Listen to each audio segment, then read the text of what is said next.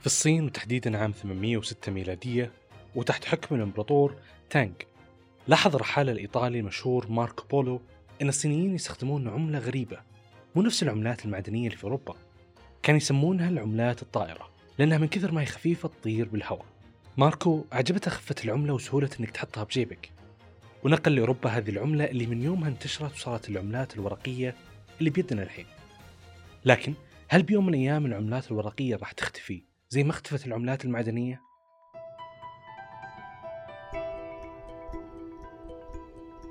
أهلا فيكم. أنا خالد قنيعة وهذا بودكاست عالم جديد المقدم من زين السعودية.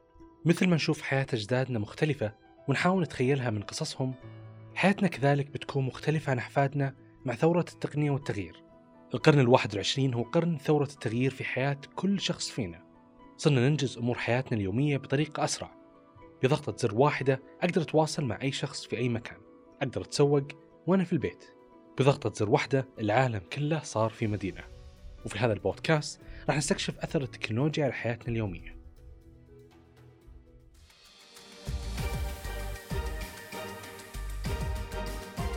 أيام أول كنا كل أسبوع لازم نروح على أقرب بنك عشان نسحب فلوس تكفينا باقي الشهر. وإذا بنحول لأي أحد لازم نمسك طابور عند البنك وأوراق وتوقيع ومسؤولية. أما الحين لو أسألك تفتح بوكك متأكد إن فيه كم ريال ولا فاضي؟ زي بوكي لأن خلاص صرنا نستغرب أصلا من الناس اللي تمشي بيدها كاش. تقبلنا التحول اللي صار وتحمسنا له عشان يسهل علينا أكثر مثل ربعنا الصينيين اللي غيروا العملات المعدن لعملات ورق. لكن يوم طلعت أول ماكينة صراف هل الناس تقبلوها بسرعة؟ ضيفي في هذه الحلقة الأستاذ حمد العليان. أهلا وسهلا. أنا حمد عبد الرحمن العليان. درست بكالوريوس وماجستير في أمريكا في جورج واشنطن university آه، عندي CFA 1 آه، اشتغلت في البنوك المحلية واشتغلت في international bank في واشنطن تحديدا. في عام 1900 وتقريبا 39 بدأت أول ماكينة ATM في العالم في نيويورك. عملية تقبل الناس لهذا الموضوع كان صعب. جلست الماكينة تقريبا ثلاثة شهور ما حد استخدمها فاضطروا أنهم يشيلوا الماكينة. رجعت الفكرة مرة ثانية في بريطانيا عام 1966 أو 67 تحديدا آه، في آه، بنك باركليز آه، في شمال إنجلترا. الناس بدات تتعود على الفكرة بدات تعرف كيف عملية استخدامها وكيف تحط والله هذه البطاقة وتسحب لأن الموضوع جديد على الناس في أي شيء. جديد على المجتمع يصير أمره يعني غريب ويعني من الصعب إنك تزرع الثقة في المجتمع خصوصا في الأموال عملية السحب عملية الإيداع وعمليه يعني الأمور التقليدية لأن إحنا نعرف البنوك من لها وقت طويل كانت موجودة من 200 300 سنة كان لها تشريعات معينة لها بنوك يعني اتكلم البنوك المركزية فيها رقابة عالية الموضوع مش سهل. أما آه، يعني بتكلم عن قصتي. أنا يعني تقريبا رحت لأمريكا في 2005 آه، كنت يعني أستخدم أول الجوال العادي نوكيا بدون أي يعني آه، إنترنت بدون أي حاجة. فكان عملية يعني التحول في حياتي بعد ما استخدمت الآيفون وصار عندي عملية ال transaction تجيني من السعودية والتحويلات. أسهل من السابق يعني عملية التحويل أول الأموال. كانت تاخذ مني مدة طويلة عشان تجلس ثلاث أيام وتعرف ال fees كانت مرتفعة. فهنا نرجع الموضوع كيف البنوك تتحولت من بنوك تقليدية إلى بنوك رقمية. اليوم عندنا في الخليج عندنا تقريبا بنك ميم في السعودية عندنا آه، بنك المشرق في الإمارات عندنا تقريبا السعودية والإمارات لديهم هوس كبير في موضوع التحول الرقمي. وإحنا نعرف على كافة الأصعدة اليوم هذا الأمر. لكن أعتقد إنه زي ما بدينا حديثنا الموضوع يحتاج يحتاج وقت طويل حتى تزرع الثقة في الناس. أعتقد إنه ال generation القادم أو الجيل القادم هو اللي أكثر استيعابا لأنه البنوك الرقمية تستخدم عن طريق شبكة إنترنت بدون وجود أي فروع no no branches اللهم وجود headquarter وجود آه أتكلم على آه يعني آه إدارة رئيسية بسبب تطبيق الحوكمة والمخاطر وعدد الموظفين أقل عشان تقلل على البنوك عملية تتكلم على ال cost اللي موجود لدى البنوك. كذلك يعني هذه تساعد المستهلك في عملية إنه يقترض بأسعار أقل فائده لأنه البنوك ما عليها cost عالي. بس نذكر بالأرقام أعتقد خلال العشر سنوات الماضية كان حجم الاستثمار في التقنية والتقنية المالية والبنوك الرقمية وصل إلى 136 مليار هذا الرقم جدا ضخم. أعتقد إنه في القادم ممكن إحنا نشهد ارتفاع في هذه الأرقام إن شاء الله في حال تقبل المستهلك لهذه العملية.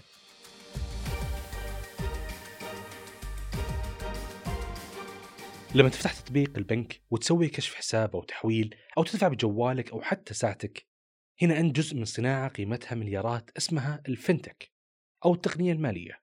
معناها هي خدمات مصرفية تحصل في الإنترنت وهي تقنية مالية وأي بنك يستخدم هذه الخدمات هو بنك رقمي. هي يعني نفس العمليات أو اللي تستخدمها المؤسسات المالية لكن مع تطور أكثر وتوسع أكثر في إيصال المنتج. اليوم عندنا ثورة كبيرة في التحول من المنتج التقليدي إلى المنتج الرقمي أو التكنولوجي. اليوم نسمع عن الاستخدام كل اللي أنت قاعد تستخدمه الآن عن طريق جوالك. أول كنت تستخدم اللابتوب أول كنت تروح للفرع. اليوم عندنا التحويلات القروض ال crowd crowdfunding اللي هو جمع الأموال. اليوم عندنا عمليات تصريح كبير جدا لشركات الفنتك في السعودية في إقبال كبير من الجيل هذا. كذلك إدارة الأصول والوالث مانجمنت وإدارة الثروات. كلها راح تتحول تتحول إلى عملية يعني الفنتك أو عملية التحول الرقمي.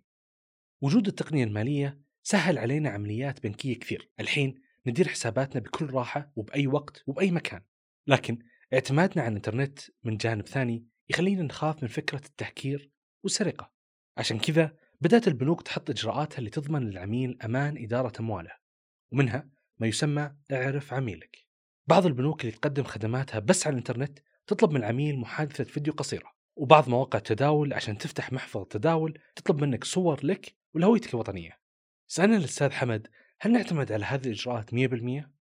حقيقة لا يوجد يعني إجماع بشكل كبير على أمان هذا الأمر لكن في المجمل معظم البنوك الرقمية والبنوك التقليدية تخضع لتشريعات قوية ومراقبة قوية من البنك المركزي. كذلك وجود يعني عندنا هيئة الأمن السيبراني ومؤسسات كبيرة أمنية تراقب عملية تحرك الأموال وعملية يعني يعني نحاول بقدر الإمكان إيصال للعميل أو المستهلك النهائي أنه هذا المنتج آمن بشكل كبير. إلا إذا أنت أسأت استخدامه أو أعطيت الثقة أشخاص يعني غير مصرح فيهم وأنت لازم يعني دائما تكون نتكلم حقيقه يعني نسمع عن عمليات احتيال الفترة الأخيرة.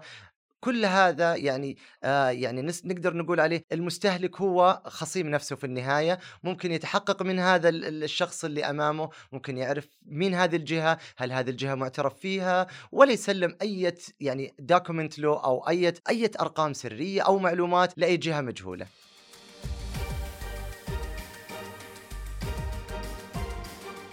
إذا معاملات البنوك صارت رقمية، هل يعني أن البنوك التقليدية راح تختفي؟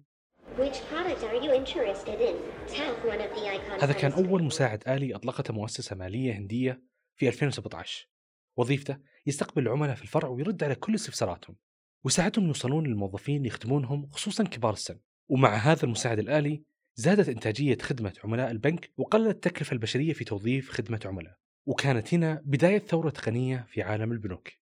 أعتقد إنه عدم دخول العامل البشري في عملية التحليل وعملية الإحصاءات ممكن يساعد إنه يقلل الأخطاء.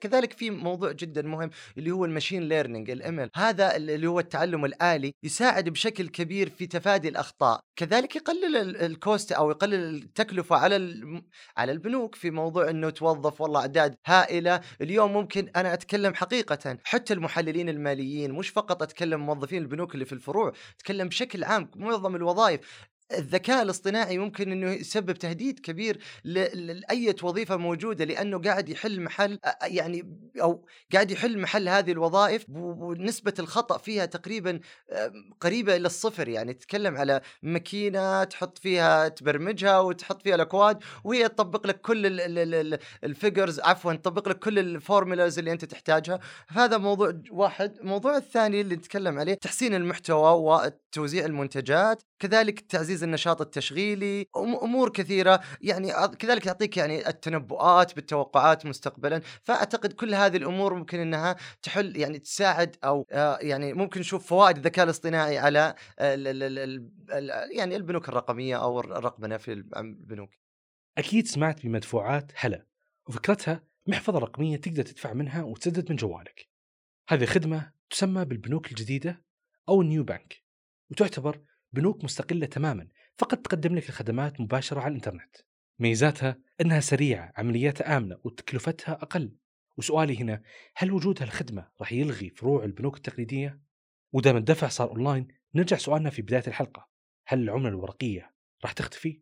الآن لو لك أن تتخيل نسبة تداول الأوراق المالية في العالم كله ما تتعدى 10% هذا الرقم يعني يعتبر مرة منخفض. اليوم آه، في الدول الفقيرة أتكلم على أفريقيا وأتكلم على بعض الدول في شرق أوروبا هي اللي تستخدم الكاش أما معظم الدول في العالم صار عملية الكاش يعني ما ينشال أو ما كل الناس صارت تحويلات كذلك دخول العملات العملات اللي نسمع عنها الآن البيتكوين والشغلات هذه كلها يعني ساعدت بشكل كبير أنه طباعة الكاش يعني ما عاد صارت ذو أهمية. لو نرجع بس للوراء أنا قريت كتاب اسمه صعود المال يعني قبل فترة يتكلم لك ليش أنا أملك كاش يعني وش الفائدة من ملك ها ليش أنا أشيل السلعة هذه؟ السلعة هذه أنا أشيلها ل يعني اقتناء سلعة أخرى وتكون هذه السلعة يعني في يدي ثقيلة. كان تتخيل أول آه في أوروبا يتداولوا الدولار العملة ب آه، يعني بعض السلع الأخرى يعني تكلم على يعني تكلم على التبغ ورقة التبغ في أوروبا كانت أول غالية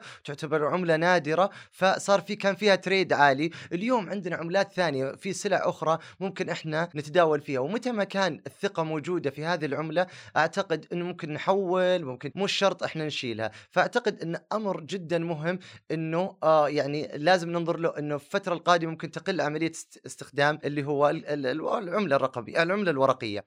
لك أن تتخيل أنت طلعت في مكان بجيبها بطريقة مبسطة ونسيت محفظتك العادية اللي وأنت تشيل محفظتك ونسيتها وتبغى تحاسب في السوبر ماركت في السوق في what whatever وش الحل اللي أمامك متاح؟ أنا أعتقد أنه وجود المحفظة الرقم الإلكترونية ساعد بشكل كبير في عملية التحويل. أنت اللي اللهم عليك اللهم تفتح جوالك تنزل أي يعني آه، محفظة أو أي شركة من شركات التقنية المالية اللي تسهل لك في عملية الشراء وتقدر تضيف الكريدت الكريدت كارد حقتك ممكن تجيك تحويلات من اهلك ممكن تجيك تحويلات من أصحابك تقدر تشتري بدون بعد حتى تقلل عليك عملية إنه والله تعال أنا أبغى صرف كم باقي معك صرف